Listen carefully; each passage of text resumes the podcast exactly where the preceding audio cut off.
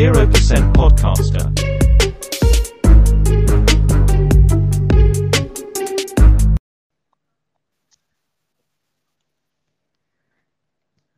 Halo Mapren, selamat hari raya. Selamat lebaran, Mina Adi wal Faizin. Wow. Minal Eh, gue gak salah ngomong kan? Gue gak salah ngomong kan? enggak. Oh iya.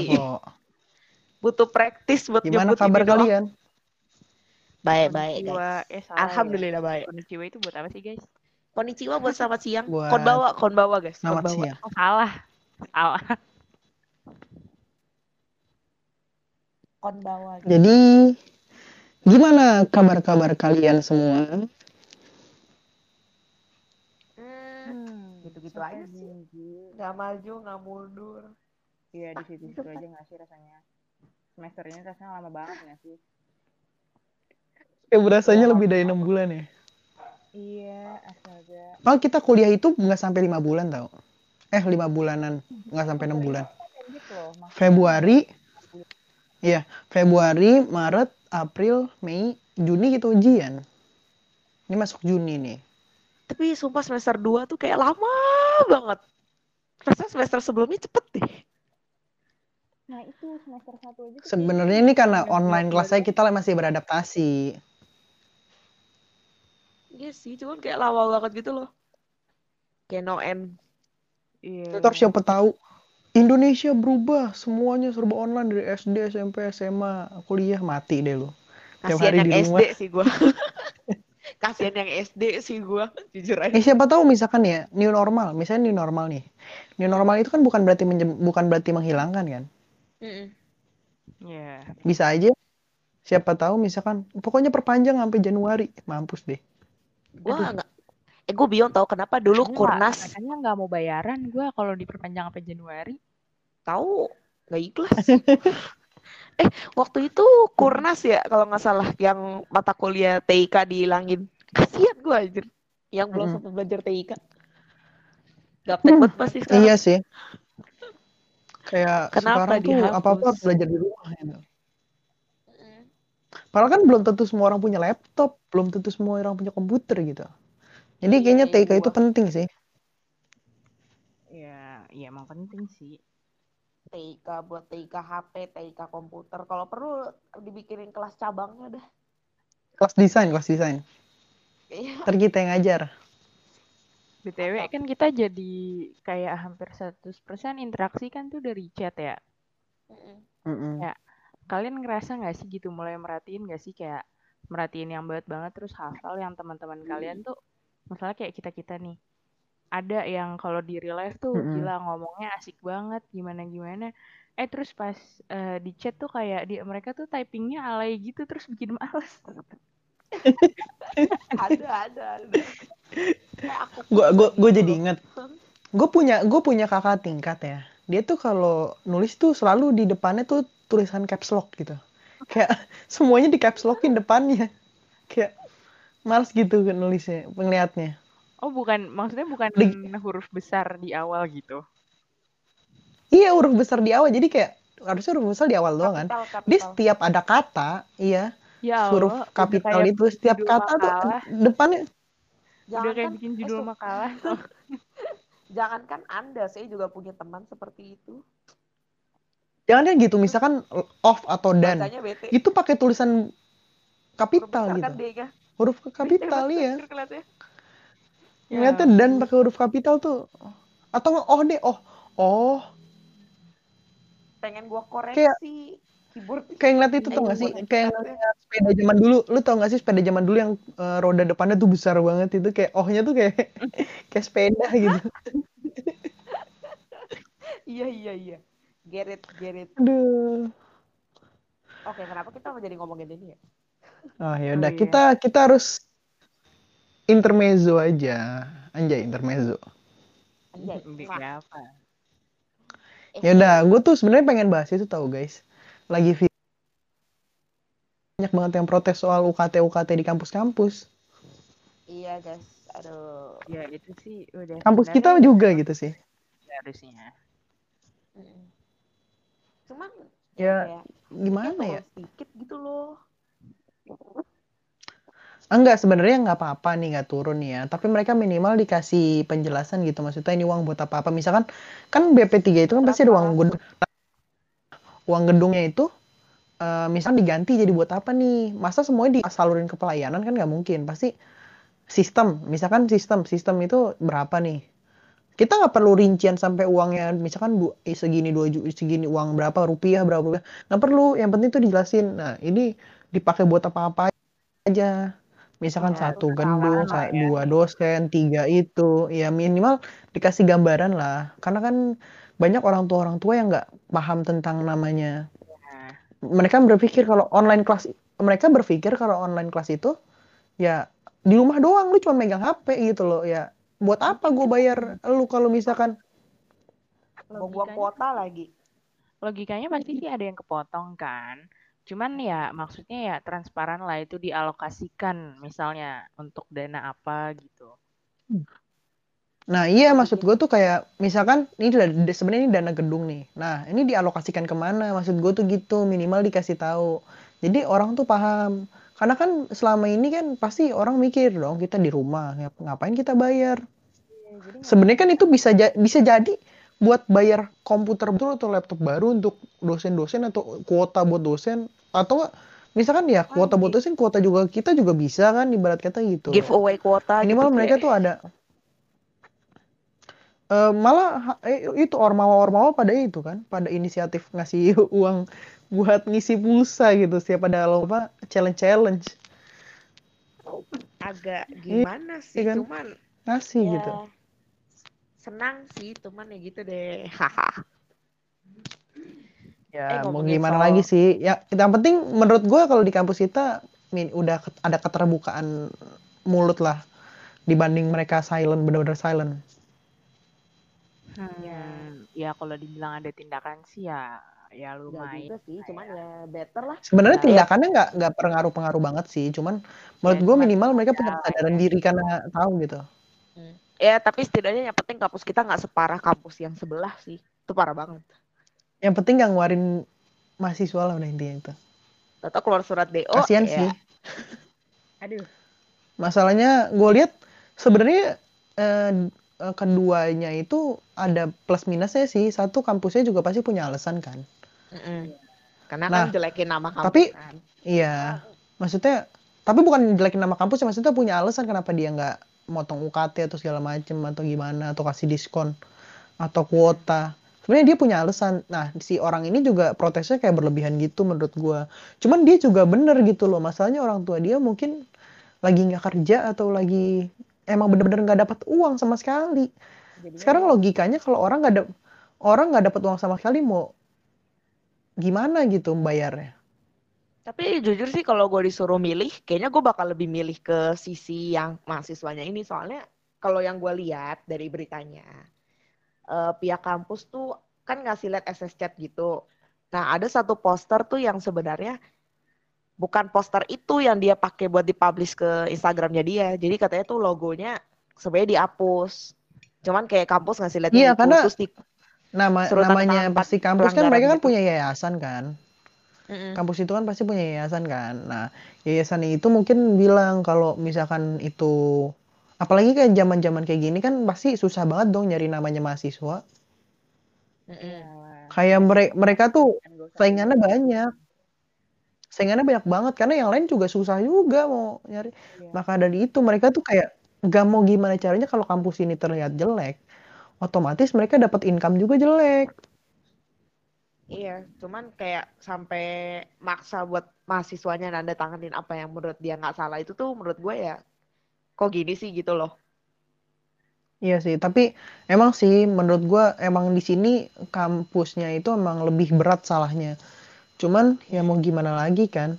Biasanya itu kan tuntutan bisnis sama segala macamnya itu. Lu kan ngelihat kan beberapa kampus-kampus di Jakarta yang udah tua-tua itu mati karena apa? Karena mereka gagal promosi dan segala macam kan. Kalau misalkan mereka nggak dapet income dari murid, mereka nggak punya murid nih, nggak punya mahasiswa, otomatis income mereka berku- berkurang. Dan mereka ya udah nggak bisa promosi buat kampus mereka itu otomatis kampusnya jadi mati. Maksudnya kan itu juga perputaran uang juga kan. Berarti itu Menurut gue sih termasuk gitu sih. sih eh, termasuk bisnisin pendidikan nggak sih? Mm-mm. Iya, Education. gimana ya? Abisan ini kan bukan yang masalahnya yang ada masalahnya itu ya emang negeri juga ada masalah sih. Tapi kalau menurut gua di sini lebih masalah ke swasta mungkin ya, karena mungkin orang berpikir kalau orang yang kuliah di swasta tuh pasti mampu loh. Pasti dia Iya. bisa bayar lah gitu. Kalau di negeri, mereka kayaknya di negeri-negeri walaupun mereka protes soal UKT di nggak dikurangin atau dosennya bukan dosen sih, rektor PHP, tapi seenggaknya mereka eh, ada gitu ngeluarin duit sedikit walaupun nggak banyak. Ya cuman 10% lah, tapi nggak banyak, tapi seenggaknya kayak ada itu loh, ada apa? Ada itikatnya. Tapi kalau misalkan kampus swasta gitu kan pasti mereka bisnis itu suatu kewajaran dong, banget. karena kan mereka kan butuh Heeh. income dan outcome juga kan. Mereka ngeluarin suatu untuk promosi. Masalahnya kalau eh, reputasi kampus negeri pun mau reputasinya jelek itu kampus negeri orang pasti bakal banyak minatnya. Karena kampus negeri jauh lebih murah daripada kampus swasta. Walaupun sama sih sekarang, tapi kayak lebih murah gitu loh. Iya sama negara kan. Mm-mm. Maksudnya kalau swasta tuh emang apa ya?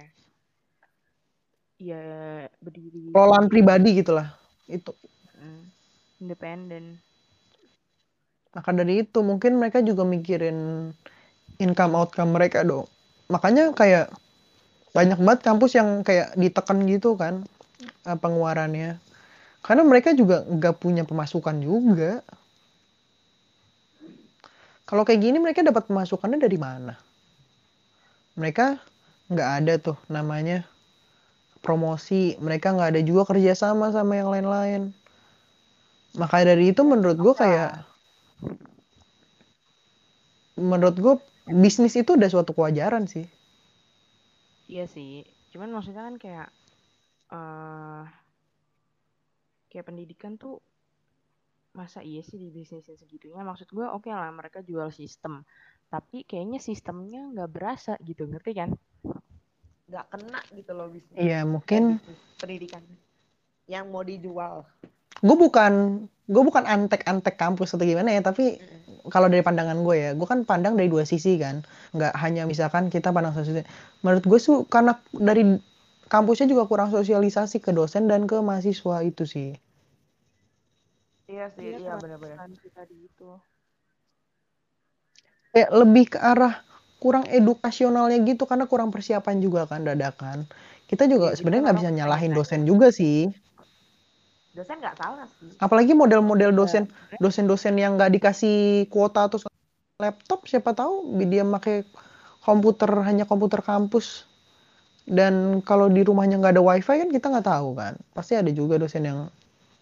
Punya kekurangan kan nggak nggak jadi dosen nggak sejahtera juga kan dan kampus juga belum tentu ngebiayain mereka masalahnya di situ Makanya gue kurang itu sih nggak salah sih. Cuman kayak staffnya mungkin kali. ya. kayak lebih ke arah itu sih eh perputaran uangnya kalau menurut gua biasanya kayak gitu harusnya mereka minimal ya kalau misalkan di awal itu udah ada gejala atau apa itu biasanya ada persiapan. Tapi kalau itu menurut gue sih persiapan kayak gitu cuma dibuat segi bisnis ya. Kalau misalkan dari kampus gitu kan bingung juga gimana cara mereka menyimpan uangnya atau cadangan eh, pendapatan mereka. Jadi kan bukan bukan jualan juga kan jadi mereka nggak bisa nargetin sesuatu. Iya. Toh mereka cuman dapat uang dari mahasiswa kok. Sponsor ya nggak seberapa Terus juga- ada selesai deh. Mm-mm. terus juga pasti mereka juga bingung mau nyari sponsor toh sponsor mana yang mau bayain mereka dengan sebanyak itu uang. Kecuali kalau bikin event. ya walaupun ibarat kata kita kita itu apa kita kita kampusnya juga kampus yang suatu perusahaan yang besar dan apalagi itu peru- perusahaan besarnya yang ya bisa dibilang masih bergantungan sama penyakit kan tapi kan maksud gua mereka cuma sebagai afiliasi gitu loh. Jadi walaupun eh, kita bersinambungan tapi kayak bukan suatu hal yang terikat gitu. Ngerti nggak? Kayak itu cuma jadi penamaan kita dan emang ibarat kata eh, kampus itu ya dimilikinya oleh orang yang emang pendidikan gitu loh. Bukan orang yang emang perusahaan jadi ya agak susah sih lembaga pendidikan sama perusahaan mar- market atau segala macam tuh ya beda jadi susah Dan juga Hmm? kalau menurut lu sama Nabila lah apa Fe? Apa tuh? ya tentang mm, misalkan kampus-kampus yang swasta-swasta gitu mereka gimana sih mengatasi hal-hal kayak gini nih Kalau menurut gua kan setiap kampus beda-beda ya. Kalau kita kan pokoknya kampus kita tuh fix mereka nggak bakalan ngasih penurunan UKT. Tapi gue liat di kampus lain ada juga tuh yang UKT-nya naik 500 sampai 1 juta. Gue juga bingung sih 2 sebenarnya. juta gua malah ada kali Iya, ada yang segitu. Gue juga sebenarnya nggak ngerti sih mau bahasnya gimana. Soalnya kan gue nggak ngerti bisnis sama sekali ya, kayak buta Ya, banget. kayak Tapi kita belum gue juga jujur belum kayak mendalam banget makanya kayak gue tuh sebenarnya masih nyari tahu aja gitu masih kayak Mm-mm. kepengen tahu ini kenapa begini ini kenapa begitu gitu loh Mm-mm, masih abu-abu. Tapi kalau misalnya kalau lagi musibah pandemi gini ya, orang kan mikirin diri mereka sendiri. ya Jadi gue semuanya nggak heran sih kalau kayak diri mahasiswa, sendiri pastinya Heeh. kayak mahasiswa gitu-gitu pada, ayo turunkan UKT ya, karena mereka mikirin kondisi rumah juga. Jadi ya selain Serba emang salah. pihak dari, iya selain dari pihak kampusnya emang nggak kasih transparansi, kitanya tambah ngamuk, kitanya juga ada masalah keuangan gitu loh. Jadi bingung juga sih gue, jujur ya.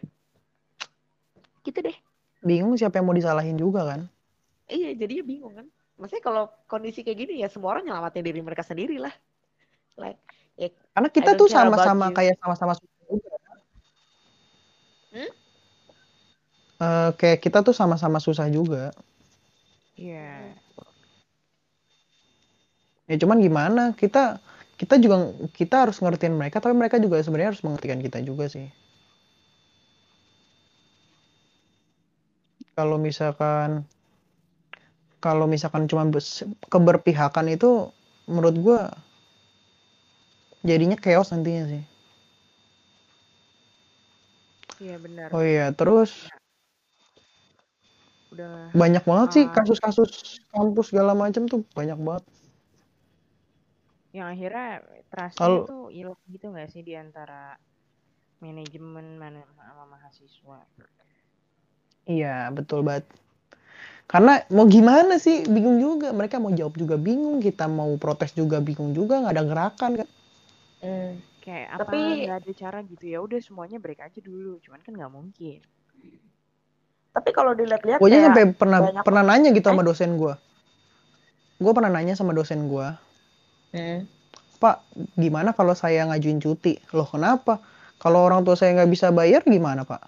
Iya, gue juga tadinya mau ngajuin Dia nggak bisa perkara ja- cuti atau dia dia keluar. nggak dia nggak dia dia nggak bisa jawab gitu maksudnya kayak saya ngeluh maksudnya eh, kalau misalkan ini cuti kamu tanpa alasan cuman karena nggak bisa bayar toh ini kan hak saya juga dan kalau misalkan saya nggak bisa bayar juga sebenarnya mau gimana juga. saya, saya menutupnya maksudnya kita kan juga nggak mungkin kita kan bayar berapa bayar segala macem sistem kampus. Nah terus akhirnya nggak ada komentar lagi karena mungkin dia juga berpikir benar juga. Tapi setelah dipikir lagi mau daripada gimana mendingan apa kalau misalnya bener-bener kayak nggak bisa bayar akhirnya cuti dan secara bayar cuti lumayan juga kan kayak mendingan lu ngundurin diri sekalian gitu sih walaupun emang Iya. akhirnya kayak Iya masalahnya mungkin ngundurin diri kan kayak udah kita ngulang lagi karena kampus kita kan nggak bisa pindah data. Makanya bingung Dan- juga gak sih? Data mana-mana. Gue mau pindah juga gampang. Gue pindah aja kampus yang lebih murah dulu. Selama satu semester, dua semester terus gue pindah lagi tempat lain yang lebih bagus. Kalau bisa pindah data. SMP dulu Hmm, ibaratnya tuh kita mikir begitu kan, ya udah mendingan begitu kan. Mm-mm. Iya. Aduh, Nah, dunia. Terus? pasti pasti Terus eh, ada berita lagi nih. VV pasti tahu berita lagi. Apa tuh dia? Itu loh yang soal UI itu maksudnya apa sih? Oh, itu. Eh, itu sebenarnya nggak lebih paham gitu karena gue nggak baca beritanya. Kok gue sempat baca dikit. Intinya tuh kan ada nih beberapa penyintas. Mereka kan nyebutnya penyintas kayak korban-korban yang berhasil berhasil survive dari pelecehan seksual gitu. Nah itu tuh kalau yang gue lihat si pelakunya ini dia ngelakuin pelecehan seksual ke cewek. Anak-anak mahasiswa UII tapi dia itu tuh udah lulus. Tapi dia masih tetap ngelakuin itu ke para mahasiswanya. Nah mahasiswa itu kayak mereka dikasih chat yang isinya tentang hal-hal yang berbau seksual. Terus ada yang ketemu nih mereka ketemu langsung Eh, si ceweknya ini kan katanya dia itu bulunya dia bulu badannya dia itu kan lebih lebat. Nah si cowok itu nyamperin. Terus dia bilang kayak eh tau gak sih kalau misalnya cewek yang bulunya lebih lebat itu tuh biasa gairah seksualnya lebih tinggi. Kayak gitu-gitu. Maksudnya eh, lagi di perpus kondisinya cuma berdua dan lo mepet-mepet ke gue lo ngomong kayak gitu.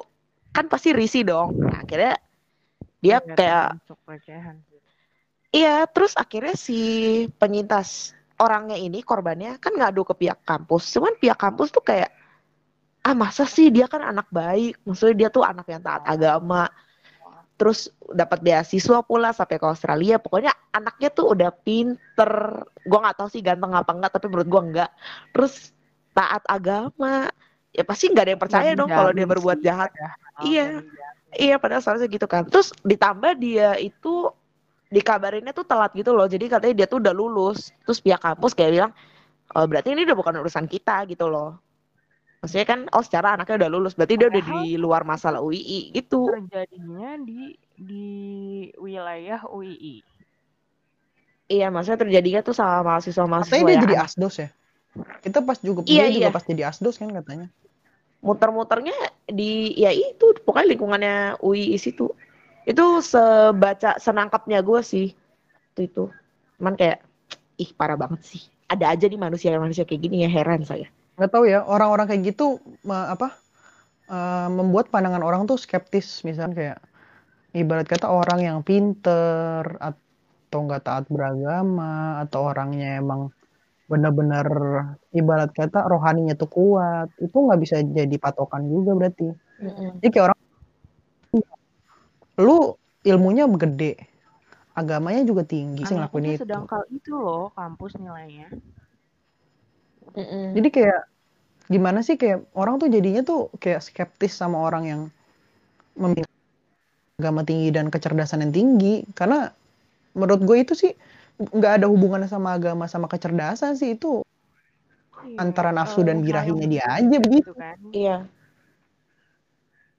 Terus ditambah ini ya misalkan ah, ah, ada ada misalkan pemuka agama atau apa pelecehan seksual pelecehan seksual itu kan emang dianya aja yang brengsek bukan karena media. dia ilmu agamanya tinggi atau apa. Iya padahal gak ada hubungannya gitu emang kan. dianya aja brengsek.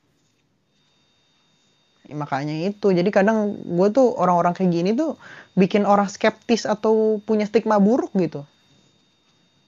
Kayak ah lu- lu misalkan pinter percuma lu juga tetap nafsuan ya gimana ya kita mau komentar juga bingung kan Iya. bener juga malahnya dia orang yang ngomong gitu kayaknya di negara kita tuh masih awarenessnya emang kurang banget sih kalau gue lihat. Mm-mm. Mau Bahkan aktivisnya udah bergerak juga kayaknya tuh nggak tahu kenapa agak susah gitu buat masuk ke kepala-kepala orang-orang ini. Mm-mm. Terus katanya ada pihak lain yang coba nutup-nutup gitu. Cuman ya kita kan nggak tahu. Bahkan sampai ini kan masalahnya lumayan serius ya, maksudnya kan pelecehan seksual. Terus yang bergerak itu tuh justru kayak mahasiswanya. Bahkan ada dari kampus lain loh. Kan gue sempat ngecek kayak bit.ly hidup penyintasnya mereka kan, linknya mereka. Terus gue coba cari-cari. Nah yang gerak itu tuh kayak rata-rata mahasiswanya semua gitu. Mereka yang nuntut pihak kampus. Eh, yang gue sempat buka bukan buka sih tapi sempat ngelihat IG-nya dia. Dia kan bikin surat gitu Iya kan iya, surat. Bener-bener. Itu ada analisis Dia bilang gini loh. dia bilang gini loh katanya se- sedang dekat oh gitu maksudnya sedang mendekatkan diri kepada agama. Maksudnya, eh, dia sendiri melakukan hal seperti itu. Ya sebenarnya dia nulis gitu maksudnya apa gitu. Menurut gue tuh kayak aneh aja gitu. Ya sebenarnya Iya, banyak kayak- orang-orang yang berlindung di balik agama gitu dan gak etis aja rasanya. Kayak kayak lu should- nyebut nyebut, nyebut lu mendekatkan diri sama Tuhan. Kalau mendekatkan diri sama Tuhan lu gak akan melakukan gitu tolol. Dalam hati aku gue mah gitu Tau eh tapi jujur ya dibanding suratnya, gue lebih heran sama orang-orang yang ngefollow dia dah. Ada nggak sih yang baca komen? Jadi yang ada yang komen katanya dulu sebelum kasus ini followersnya cuma berapa, sekarang sampai angka sekian. Kenapa kalian malah pada bikin dia Follow. terkenal gitu loh? Iya malah jadi terkenal nih orang. Jadi engagement kayak lu tau gak sih yang ketua BEM apa gitu yang katanya dulu tuh eh, banyak pro apa yang kata demo di DPR itu kan. Oh iya, sekarang sekarang jadi juga jadi terima endorse. Jadi terima Iya. endorse.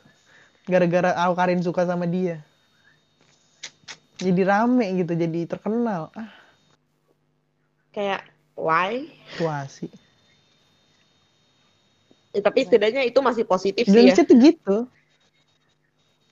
Lihat aja menghina Pancasila pakai narkoba jadi duta jadi duta anti narkoba. Besok besok ini orang yang sembuh covid jadi jadi duta covid gitu. Ya udah kita misalkan COVID. semuanya sakit gitu kita semua jadi duta gitu kan. Ya nggak jelas. Iya boleh sih, boleh tuh. mencari engagement dari apa dari permasalahan yang ada gitu. Kayak kemarin kan ada. yang jual jual keperawanan. Jual keperawanan Nah, karena itu sensasional banget nggak ngerti lagi. Covid tapi dia bilang itu cuma buat engagement doang engagement Iya, doang Iya dia bilang kayak sebel gak sih konten apa namanya cuman konten Semacam clickbait gitu nggak sih? bercandaan, konten sarkasme. kayak, mem- kayak memanfaatkan situasi untuk duit gak sih untuk itu kesel juga sih gue Iya, maksudnya kayak, hey, ih, bahasa yang lo gunain tuh gak gitu gitu loh. Aduh pusing dah maksud gue ya. tuh kayak misalkan kalau lu kalau lu mencari engagementnya dari kayak lu jualan lu berdagang atau lu promosi nggak apa-apa deh tapi ini karena viral gitu yang bermanfaat gitu buat orang-orang lagi kayak begini. Viral Ya, sesaat sih, nggak tapi ada diingatnya manfaatnya. sampai mati. bukan yang ada tuh nanti ada eh, hukum sosialnya itu loh maksudnya kalau misalkan hukum pencemaran nama baik atau hukum-hukum negara gitu-gitu kan ya penjara besok bisa keluar tapi kalau hukum sosial Wah, coba. lu bisa aja di judge judge sama orang lain tiap saat Yang gue lebih takut cuman orang-orang ngikutin doang gak sih? Kayak, oh dia jadi terkenal nih gara-gara ini. Yaudah gue ikutan aja. Kan ada yang kayak gitu. Banyak. Ya, jangan sampai sih. Iya jangan sampai sih, cuman gitu deh. It always happen guys. Ya apalagi yang prank-prank sampah Prank sampah, aduh. dengan hal-hal Oh yang ya tidak prank sampah, terus gitu. kabarnya gimana guys? Kabarnya gimana itu? nggak nuntut- tahu katanya dibully di apa Tuntut balik kan? dibully di apa Mm-mm, dibully di Penjara. penjara.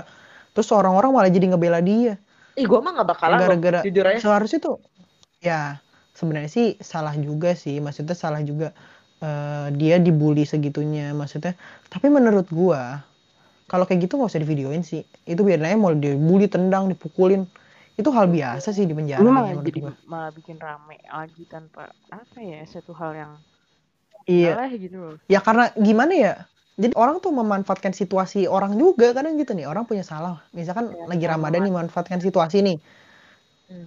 Eh, nah dimanfaatin lagi nih sama orang-orang yang norak-norak gitu ya udahlah. Mau gimana? Capek. Tapi gue apa ya nggak ngerti itu gini loh, kan eh, di posisi papa dari pelaku sekaligus korban itu ya, dia kan anaknya ini tuh ngebully orang, terus dia kayak diem-diem aja. Sedangkan begitu anaknya dibully, Anaknya dia langsung lapor polisi, dia langsung, iya anaknya dibully, kan anaknya ngebully orang. Terus kayak ya udah biasa aja. Terus anaknya di penjara oh saya sedih gini gini gini gitu kan. Bukan yang lucu, Nah, yang yang lucunya begitu yang yang denger komentar nyokapnya itu. Yang lucunya pas Eh, dia denger komentar iya nyokapnya nyokapnya ngomong itu. apa sih? Yang kata bilang maksudnya dia bilang kat- katanya mau bagi-bagi sembako dan udah izin, tapi dia mau eh, bikin video buat ngeprank dulu, tapi dia bil tapi dia bilangnya awalnya katanya nyokapnya udah bilang jangan maksudnya jangan kayak gitu gitu loh. Itu membohongi orang lain. Tapi dia tetap ngelakuin eh, itu emaknya emaknya yang bego nggak mau ngelarang apa anaknya yang tolol bebel? Emang sengaja? Kalau gue ngerasa sih Iya, anaknya yang bebel dah pengen tapi kalau viral menurut gue sih gitu peran orang tua sih. Iya sih. peran Iya. orang tua sih. Kayaknya gue liat juga di situ Terus- udah berumur, maksudnya umurnya udah lumayan lah untuk bisa tahu mana yang baik dan mana yang benar gitu. Nah peran orang tuanya sih udah benar ngingetin. Cuman anak kayak even kita yang lebih muda aja ngerti gitu loh. Hello enggak soalnya gini nih gue tuh ke- kemarin sempat baca komen gitu kan dari akun YouTube apa gitu Bosman Mardigu. Dia kayak bilang kalau misalkan gimana kalau Indonesia eh, besok-besok kan apalagi Nadiem Makarim kan itu orang yang bener-bener digital banget kan. Dia bikin gimana caranya misalkan sekolah tetap muka cuma tiga kali seminggu gitu terus sisanya online semua. Terus ada ada yang komentar gini maksudnya eh, dia nggak setuju nggak semuanya bisa di- digitalisasi. Terus dia bilang gini apa kan ap- apalagi eh, orang tua pasti menyerahkan eh, pendidikan moral gitu-gitu ke guru. Gua di situ kritik. Eh, kita kan semua kan pasti harus ngikutin zaman kan. Mau nggak mau harus terima. Karena gimana justru menurut gue itu memperkuat kualitas karena di situ dia bilang kalau dia mengurangi mengurangi mengurangi guru untuk meningkatkan kualitas guru-guru jadi guru-guru yang kualitasnya tinggi aja yang bisa ngajar gitu loh Iya benar. bukan guru-guru yang juga bukan yang seguru setengah hati karena emang mau digaji atau segala macem. Iya. menurut jadi- gue sih walau digitalisasinya tuh emang udah bener sih tapi dan anehnya kayak ini tuh bakal terjadi kayak gitu. Karena dengan adanya corona ini ngerasa nggak sih emang mau nggak mau orang tuh jadi dipaksa dicokokin dunia digital. Yang tadinya malas Iya. nggak mau masuk lah nggak mau berenang di dunia digital ini jadinya mereka ya gue mah gue paham maksudnya gue paham itu keluhan dari seorang guru juga kan. Maksudnya kalau digital gini anaknya nggak mau ada yang absen ada yang tapi kita namanya zaman ya gimana sih? Sama aja kayak zaman dulu kita. Dulu kita kan semua pakai sms kan atau kita semua pakai apa pun lah. Atau nggak gi- tapi kita tetap deh, kantor terbiasa kan? pos. Ah, kantor pos ke SMS transfer duit biasa juga akhirnya bisa. Mm-mm. pakai kantor pos atau apa sekarang bisa tinggal transfer pakai internet banking atau pakai m banking. Sebenarnya karena karena terbiasa aja sih. Ini karena masih awal kan? Namanya juga orang masih awal. Kayak misalkan dulu orang mana mau sih yang beli online? Toko online dulu sepi kan Iya. sekarang ramainya kayak apa? Ramainya gila banget gila. Itu toko online. Ya karena orang belum beradaptasi aja karena ini masih awal karena belum ada tuntutan dan hukuman gitu loh. Karena kan sekarang kan karena dadakan dan semuanya karena sesuatu hal yang kita nggak inginin kan corona kayak gini kan covid-19 jadi kayak terpaksa gitu loh. Jadi harus menyesuaikan. Nah kalau misalkan emang udah regulasi dan aturan pasti kita harus mengikuti dong aturan misalkan kita ke sekolah cuma tiga minggu sekali tapi di sekolah itu full day. Dan guru tuh cuma jadi mentor bukan jadi sebagai orang yang benar-benar full day ngawas kita. Kalau Nah, di situ sebenarnya kan bagus gitu. ke sekolah Iya. doang gitu lepas jadi mentang-mentang gitu. dia bayar mahal gitu kan. Orang tuh bayar mahal ke sekolah Mm-mm. terus lempar semua. Jadi kayak peran orang tuanya juga dapet gitu. Walaupun Mana emang ada semua semua sistem pasti ada plus minusnya. Semua sistem pasti ada plus minusnya. Tapi kan terkadang kita jangan ngeliat minusnya. Kita ngeliat tuh plusnya. Apa manfaatnya? Apa keunggulannya? Kalau kita selalu melihat minusnya kapan kita jadi maju? Iya. Ya kan? Begitu. Mm-mm. terkadang orang begitu sih. Banyak kan kayak peran orang tua juga sama. Orang tua kayak ya udahlah nyerahin aja semuanya. Anak zaman sekarang pinter-pinter kok dari orang tuanya. Saking pinternya anak zaman sekarang itu sampai lupa gitu kalau dia ini kalau dia itu masih kecil. Gue juga punya pengalaman nih. Ini soal soal itu ya soal masa kecil. Sama gue juga sekalian bahas soal kebebasan berbicara sih. Iya. gue itu nih dari kecil speaker banget gitu. Orangnya tuh suka banget ngomong. Maksudnya gimana sih?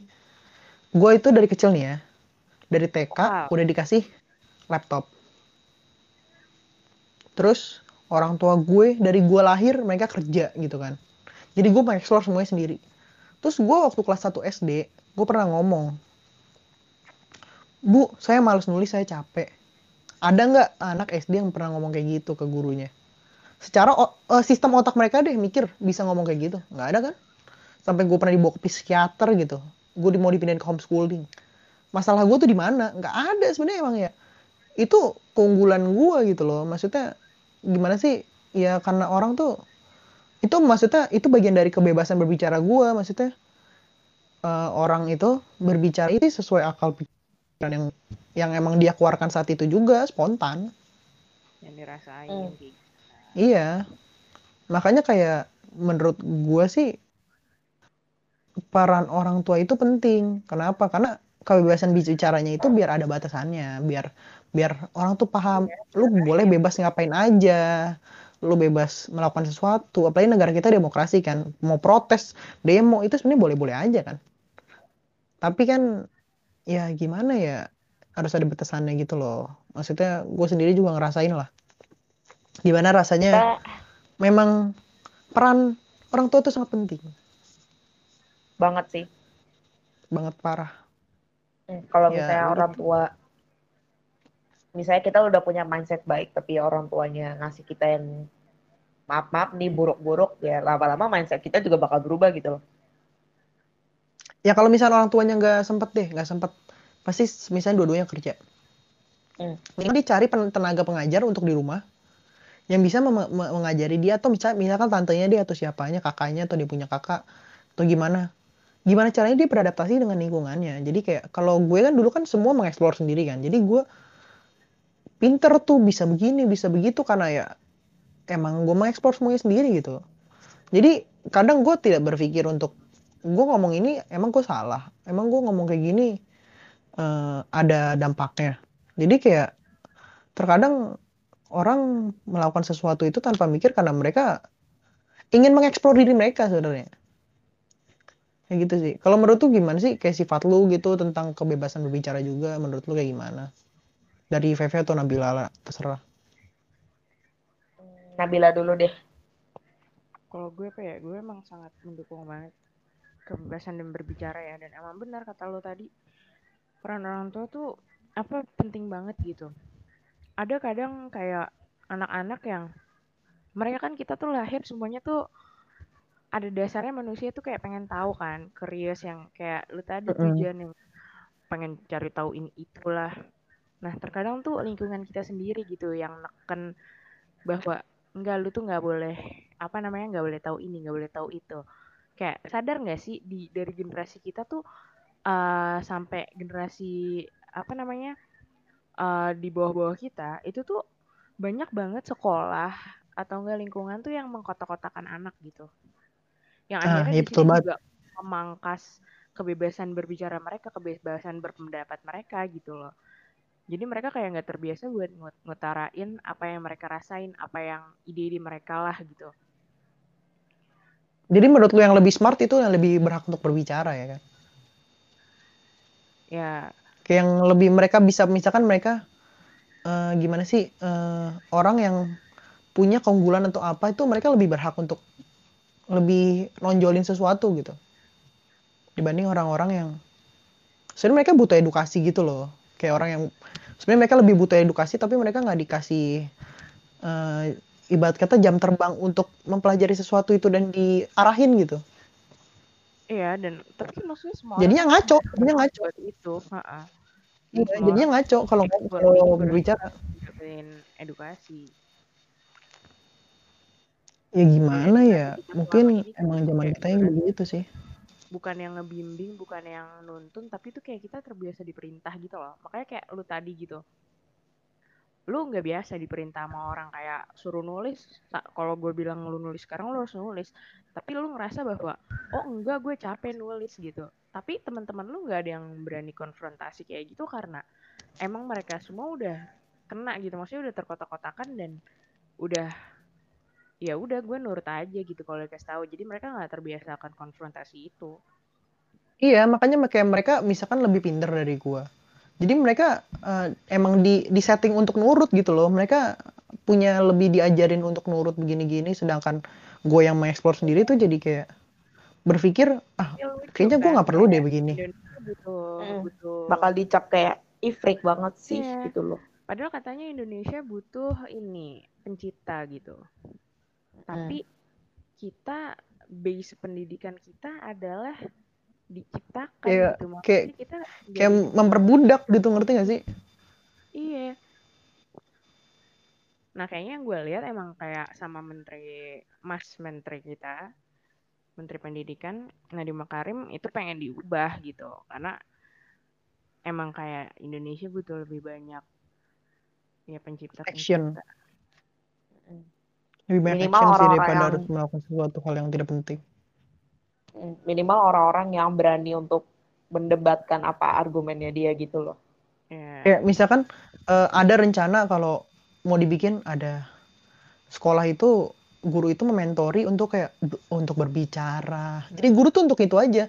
Jadi mereka itu eh, sisanya itu s- menggunakan daring atau online dan kalau mereka setiap hari walaupun mereka ke ke sekolah misalkan cuma tatap muka cuma beberapa hari itu juga untuk mereka belajar berbicara untuk mereka belajar tentang moral segala macam tapi mereka juga belajar kayak eh, ke tempat-tempat yang terjun-terjun langsung gitu loh ngerti gak sih kayak mereka tuh biar tahu Mm-mm. aturan sana sini gitu loh jadi sih, di sini kita sama-sama menguntungkan gitu loh. Iya. Kan Iya, betul. Jadi kayak-.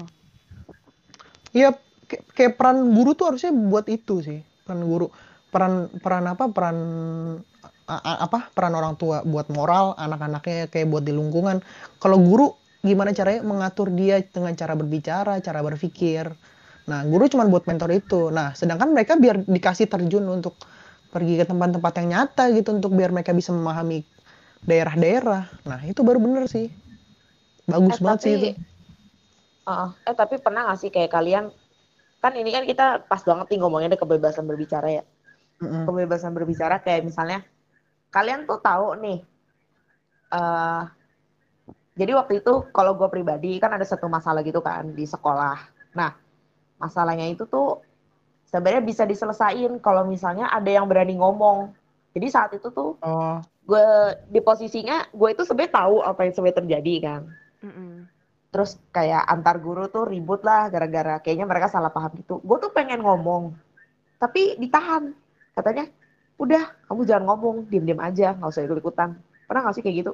Maksudnya kalian ada di posisi kayak gitu. Padahal kita nggak maksud jadi seorang yang penakut gitu loh. Cuman Iya. kalau kita mau ngomong tuh ada yang nahan. Terus kalau misalnya udah terbiasa kayak gitu tuh dalam diri sendiri.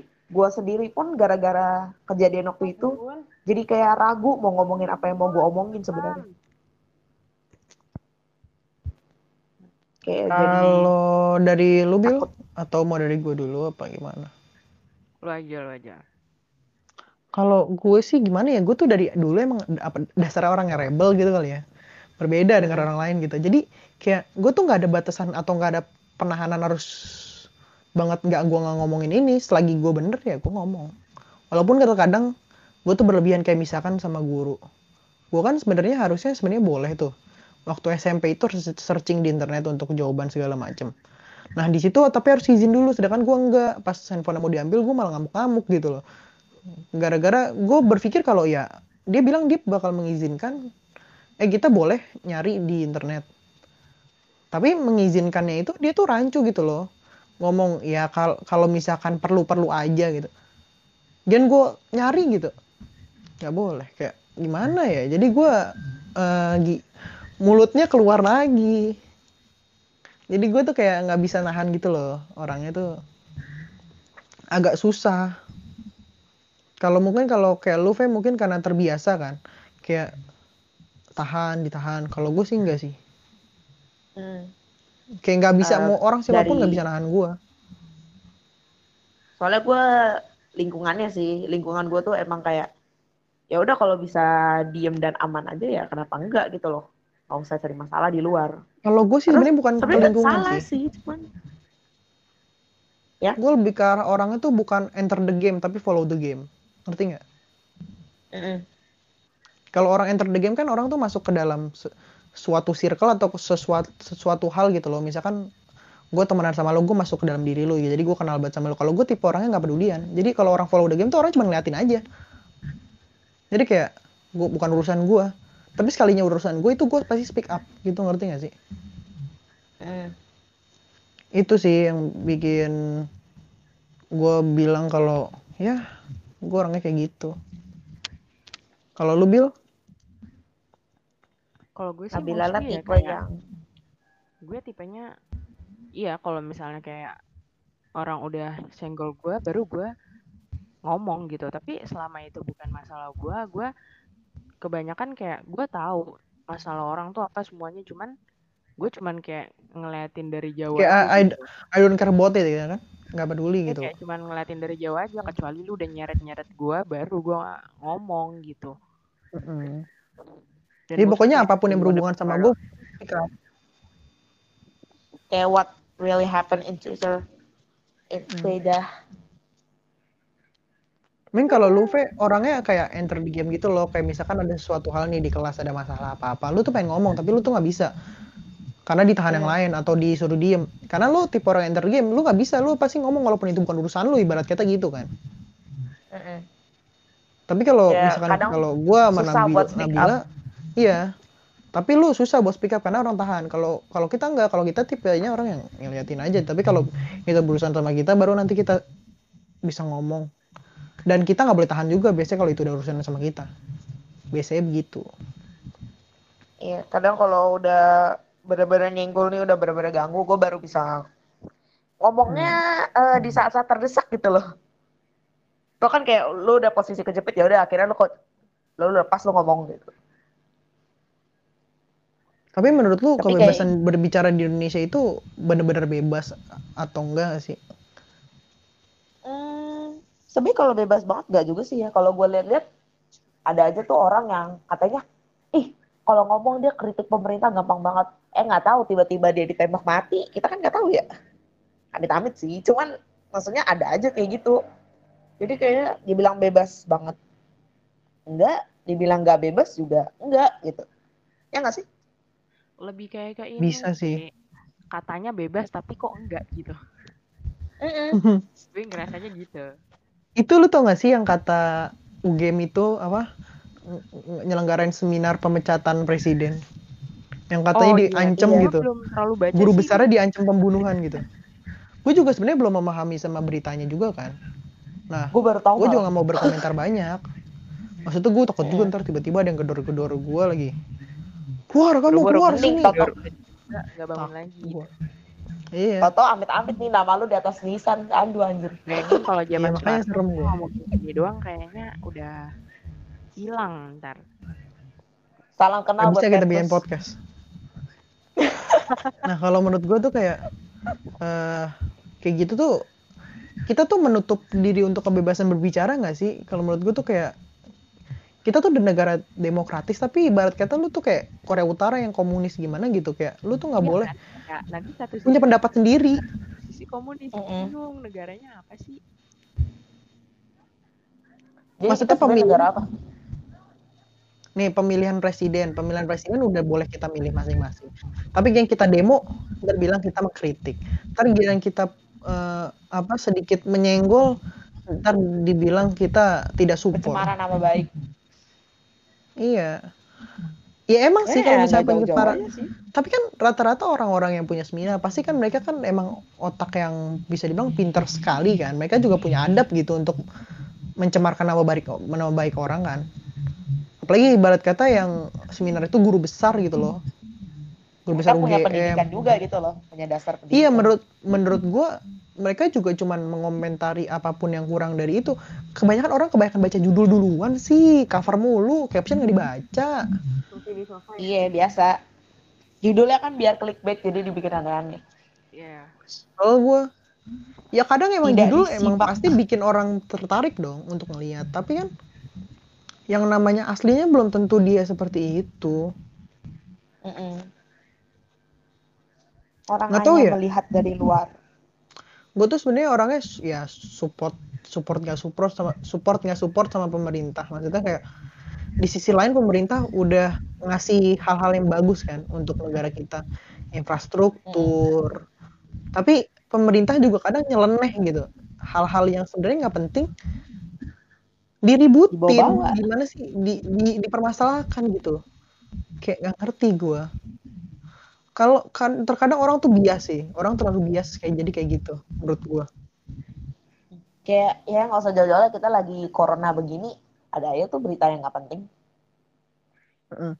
kayak misalkan ada orang yang yang protes nih orang protes nih karena kan kita demokrasi kan. Orang protes Hmm. eh, presiden nggak becus nih bi- apa eh, ngasih solusi untuk ke rakyatnya nah gini eh, misalkan dia nggak menggunakan data atau apa ya lu boleh nuntut tapi kalau dia punya data kalau dia sudah menganalisis apalagi misalkan kalau guru besar kayak gitu pasti analisis dan dia tidak mungkin berbicara sesuai opini, opini dia kan nggak mungkin dong tidak valid gitu loh menurut gue sih Orang kan biasa gitu. kalau ngelihat katanya, ih eh, mengkritik tapi bahasanya tuh kasar banget gitu loh. Ya padahal nggak salah juga sih kalau dia punya data ya why not? Ya gimana ya kadang gitu loh. orang tuh eh, berpikir di negara ini tuh kayak nggak nggak bebas gitu loh gue bingung di negara kita kan ibarat kita negara yang kaya kan Iya, sebenarnya kayak alam. hal-hal hal-hal kayak gini sebenarnya bisa diatasi kalau misalkan pemerintahnya tidak memikirkan diri sendiri. Jadi kayak terkadang yang berkuasa itu ngerasa kuat gitu. Jadi kita yang emang benar-benar bisa berbebas berbicara. Jadinya tuh kayak punya batasan dalam berbicara. Orang yang bebas berbicara kalau di negara kita ya orang-orang yang punya kekuasaan. Mm-mm. Nah Cuma- itu Ya enggak juga sih, cuman ya kenyataannya gitu. Ada Banyaknya aja orang yang nggak setuju orang yang gue, berkuasa. cuma ya udah lah ya. Banyak orang yang berkuasa dia yang ngatur. Mm-mm.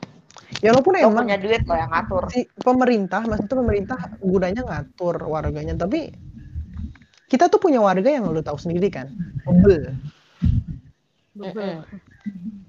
Mau Iya kan? pemerintahnya diktator kayak apa juga kagak bisa deh pokoknya. Kagak mempan. lu mau kasusnya kayak tahun 98 kita nggak bisa makan makan cuman apa pakai ibarat kata nasi lo kering ikan segala apa sih macam. namanya? iya ikan yang ada di got ibarat kata gitu dimakan. Mau kayak gitu lagi pusing nggak ya? Sorry sorry banget gue nggak mau. Gitu loh maksud gue kalau gue mah. kita udah maksudnya nanti ujung-ujungnya pendidikan kita juga hancur tau kalau misalnya kalau udah udah udah chaos kayak gitu udah nggak udah nggak nggak bisa lagi gitu dibendung. Susah. Kita sekarang aja dibilang bagus banget. Kalau dibandingin 98 emang bagus banget sih. Tapi kalau dibandingin sama yang tempat-tempat lain, Udah. ya nggak bagus-bagus Udah banget lah kondisinya. Cuman maksudnya udah mendingan gitu loh. Jangan sampai kita tiba-tiba turun mampus lah kalian semua. Aduh. Iya, soalnya pasti maksudnya Indonesia itu kan sistemnya kan demokrasi ya pasti orang ingin banget namanya kebebasan berbicara dong nah ini nih masalah kebebasan berbicaranya ini bisa jadi eh, menguntungkan untuk kita merugikan juga untuk kita Iya, merugikannya ya bisa aja Ya, kalau misalnya lagi demo gitu, yang berkepentingan. kan kalau kalau lagi demo-demo gitu pasti ya satu ekonomi jatuh Mending ekonomi jatuh tiba-tiba kerusuhan mati anjir. iya Ya tapi makanya di sisi lain pemerintahnya ngelawak hmm. nah nih di sisi lain kalau emang kita beneran bisa berubah nih kayak gerakan mahasiswa yang dulu. Gua nggak nyaranin sih untuk tahun ini melakukan gerakan mahasiswa juga ya, cuman dengan gerakan mahasiswa itu Indonesia berubah gitu loh. karena gimana Kalau ya nggak kita, ada mereka kita juga nggak berubah. kita mau berpendapat nggak diterima juga percuma Mm-mm. Soalnya ada orang-orang yang berkepentingan gitu di kekuasaan ada yang berkepentingan untuk kekayaannya dia doang gitu. Jadi ibarat kata dia bukan bukan orang yang harusnya ngatur semuanya tapi dia kayak serba bisa gitu jadinya. Kayak ah this world is mine. Ya gitu lah Kira-kira. begitu. Jadi agak susah. sih. yang kayak makin Namanya kaya kebebasan. punya makin Iya. punya. Kebebasan berbicara kita jadi dipermainkan gitu loh. Kayak kita mau bebas berbicara juga salah, kita diam juga salah. Nanti apatis juga salah. Mm. apatis soalnya ntar bilangnya eh jangan apatis ya giliran udah action ih apatis, kayak gitu Gitu. iya Kesel. kesel gitu loh Dan gitu udah ngeluarin action Apa? sendirinya apatis.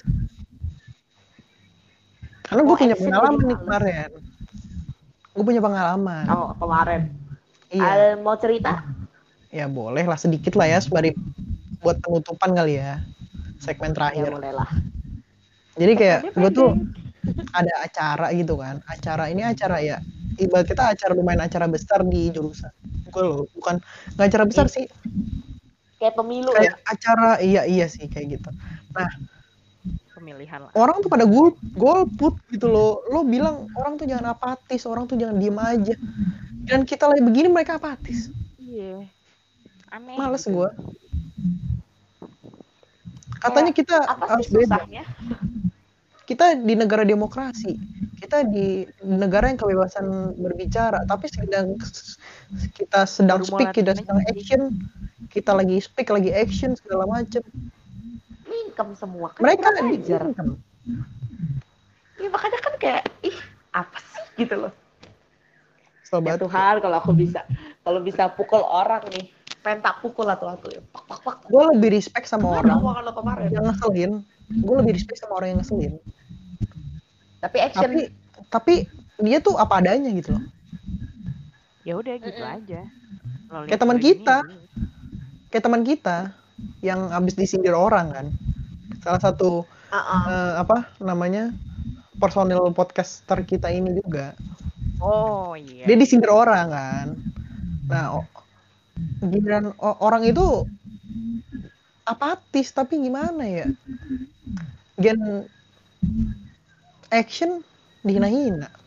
Iya, Males gue liat. kita bilangnya kalau Ya. kita bilangnya apa ya bahasa gampangnya? Banyak bacot gitu loh. Ngelihat Hmm. orang ngelihat Banyak orang mulut. hasil tuh harusnya bukan kan bukan banyak gitu. mulut. Dia tuh sebenarnya orang kayak gitu tuh apatis.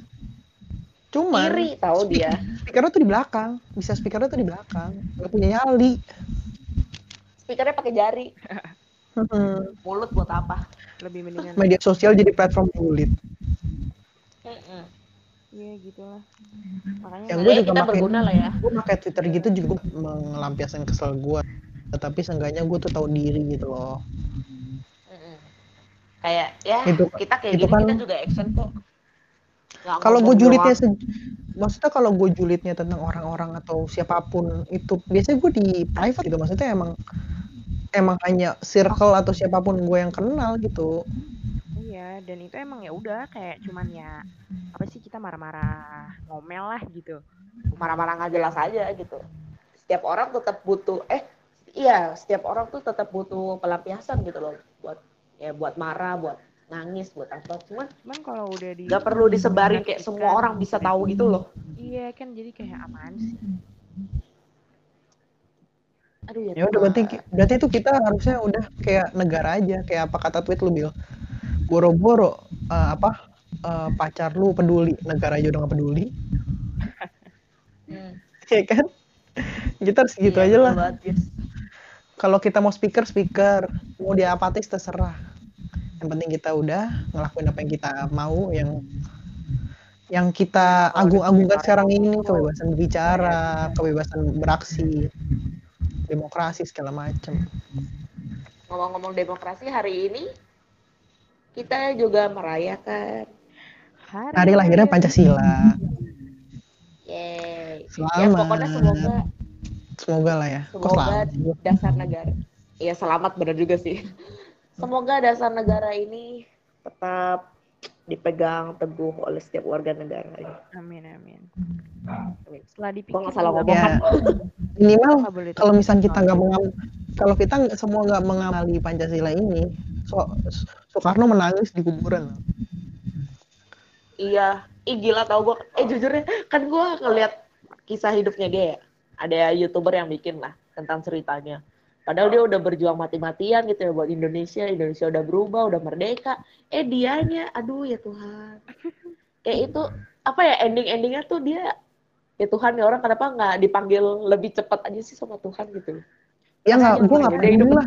lebih lama kayak daripada orang-orang yang baik kayak jadi mereka ngerasain misalnya lebih lama. Maksudnya gue gue nggak peduli lah misalkan ini orangnya lebih condong ke kiri atau ke kanan orangnya seperti apa punya apa ideologi seperti apa. Gue nggak peduli orang ngomong-ngomong kayak gitu.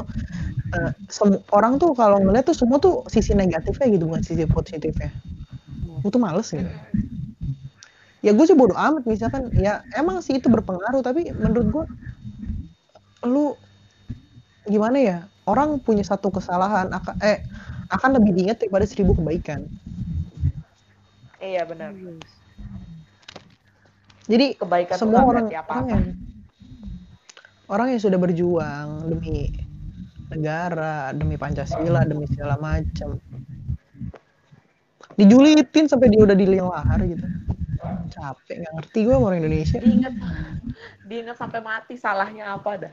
ya iya itu Indonesia tuh kalau kayak gitu kebebasan berbicara Eh tapi kayaknya nggak nggak Indonesia doang nggak sih?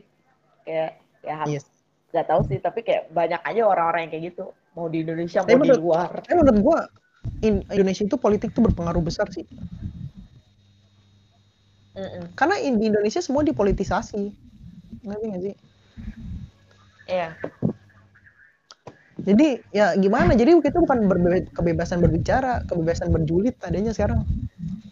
kebebasan dulu bener jadi Kebebasan Apa julid, ya? kebebasan gibah. kesempatannya dengan bodoh aku berasa Ada cara pintar kenapa harus bodoh? Mungkin gitu. ya Itu Ada kayak cara cocok bodoh jadi kenapa harus pintar? Mungkin kayak gitu kali ya bener. itu cocok jadi judul kita, kebebasan berjulit. Bukan Asik. berbicara. Boleh ya. lah. Topiknya karena kan nggak kita kan- melenceng dari situ soalnya. Enggak, tapi soalnya kan kita topiknya kan campur sari gitu. Jadi kalau berbicara dong kita tidak bisa karena kita juga julid di sini sebenarnya. Cuma Nah, julidnya halus aja gitu loh. Halus aja. Walaupun emang kadang gua suka kasar gitu. ini siapa nih pimpinan julid kita nih yang punya podcast Aduh. Iya gua julid sekali guys. Julid guys. Saking speakernya begitu ya julidnya tuh nggak sampai orang tuh tahu julidnya sampai ke tulang gitu. Udah kali ya, kayaknya cukup kali, cukup kali, cukup kali ya. iya udah Capek Ya, gue cukup ngomong, haus gue. Bukan masalah capek kalau gue udah mulai ngelek dari tadi. Keluar-keluar terus. Butuh pengorbanan emang bikin begini. Ya Tuhan. kita kita kalau selesai corona kita bikin podcastnya secara live, live stream. aduh ditunggu banget sih Hmm. cara live biar Ditunggu bisa banget. lebih gitu nggak ngelek-ngelekan gitu terbatas Kita taruh mic di tengah, kita ngomong deh. Teriak dah kalau perlu nyanyi Kita gitu. berbincang, kita menyambat, kita Ini menyambat apa pun ya. itu lah. apa namanya podcast yang lahir karena pandemi Iya. Iya.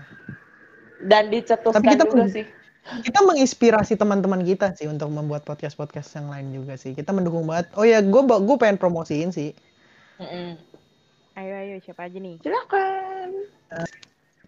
Teman kita yang sebenarnya dia juga salah satu desainer cover podcast kita, Kirana. Iya. Dia tuh bikin Oke. podcast. Dia bikin podcast sama Miko, teman se- sejurusannya dia. Mm. Podcastnya tuh namanya apa ya? Gue lupa ya. Apa ya? Mikir nama podcastnya Mikir ya?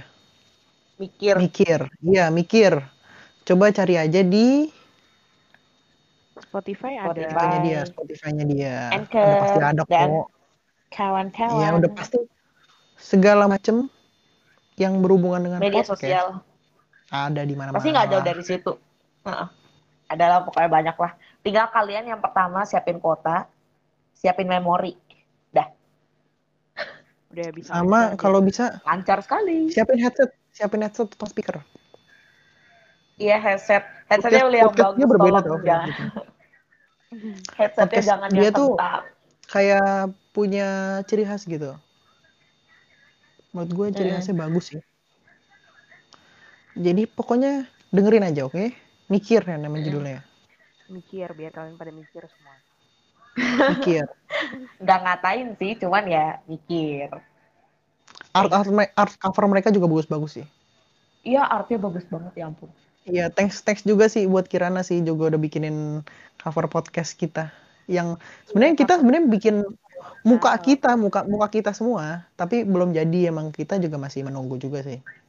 Mm-mm. Punya gue paling gampang kok. Mata garis. Ntar Iya bisa juga ya, ya. iya boleh kan gampang itu. Lucu loh. Boleh. Kita, Kucing. eh, kita tuh kita tuh nggak rasis-rasis ya kan? Kita nggak rasis. Kita emang cuma bercanda-canda aja. Kita nggak ngatain atau apa pun. Karena kita orangnya Iya. chill. Kecil. Kita menjunjung tinggi toleransi dan menghargai satu sama lain. Asik. Oke dah. Ya udah kali ya kita udah closing dulu dari tadi lah capek. Kita dari tadi mau closing Iya. nggak. Oke, jadi Mumpung Thank you kebebasan hak, ya. berbi- hak berbicara. Ya, thank, Thank you banget ya banget ya. guys. podcast Terima kasih Pokoknya sudah. terima kasih banget. Sorry banget kalau misalkan podcast kita update karena ya gimana ya, namanya juga lagi begini susah. berusaha untuk konsisten. Nah, mana kita semua ya, kita berusaha untuk konsisten tiap minggu. Kita mahasiswa, tugasnya Tugas lagi banyak. banyak banyak. Tugas lagi banyak banyak. Gue aja belum ngerjain tugas beberapa tugas. Sampai gue ngelewatin Kerjain boy. Nah, ya udahlah kita harus mengerjakan se- ke- semua kewajiban kita jadi kita tutup ya. Thank Oke you guys. Dadah. Bye, bye bye, bye.